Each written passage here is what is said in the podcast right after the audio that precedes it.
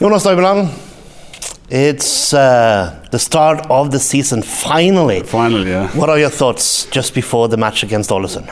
Well, as you said, it's very, it's been a very, very long uh, preseason. Uh, my longest, because in Germany or in, uh, in, the clubs I've been to, it's only six, seven weeks. Now it's 10, 11. So um, it's good that uh, the season finally starts. Hmm. How, how would you uh, describe the, the preseasons uh, with which or contained two trips to Spain? Yeah, that was nice. I think we, we escaped the, the bad weather or the yeah, yeah, we can say bad weather for, for, for football. Uh, we escaped the bad weather in, in, in Norway and had perfect uh, conditions uh, down in Spain in both training camps in Gran Canaria and in Marbella.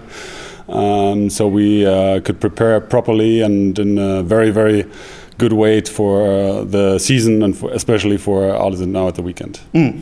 Um, uh, what do you think your form is just before the match? I think it's good. Um, the the team in general. I think uh, especially the last week has has been very important um, in terms of uh, yeah, everything um, and also um, like if you have such a long preseason, I think it's it's difficult to like maintain uh, the, the, the level all the time at, at, the highest. So there's always a little ups and downs.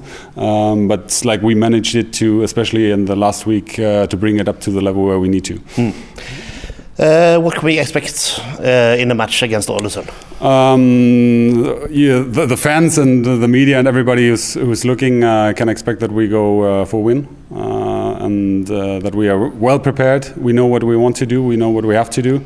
and that at the end, after 90, 95 minutes, we are there with three points mm. and a good start in the season then. And what are your expectations for this upcoming season? everybody is talking about a promotion. Anything other than a promotion is a letdown. Yeah, the, the, there's only one uh, goal we have. Um, that is the promotion to, to back to Elite Eliteserien. Uh, that's where the club sees themselves. That's where the players see them. Uh, everybody wants to be there again. Uh, it was a fantastic experience last year, uh, and uh, yeah, let's see. That's just a, a, step we, we didn't want to take, but we have to take.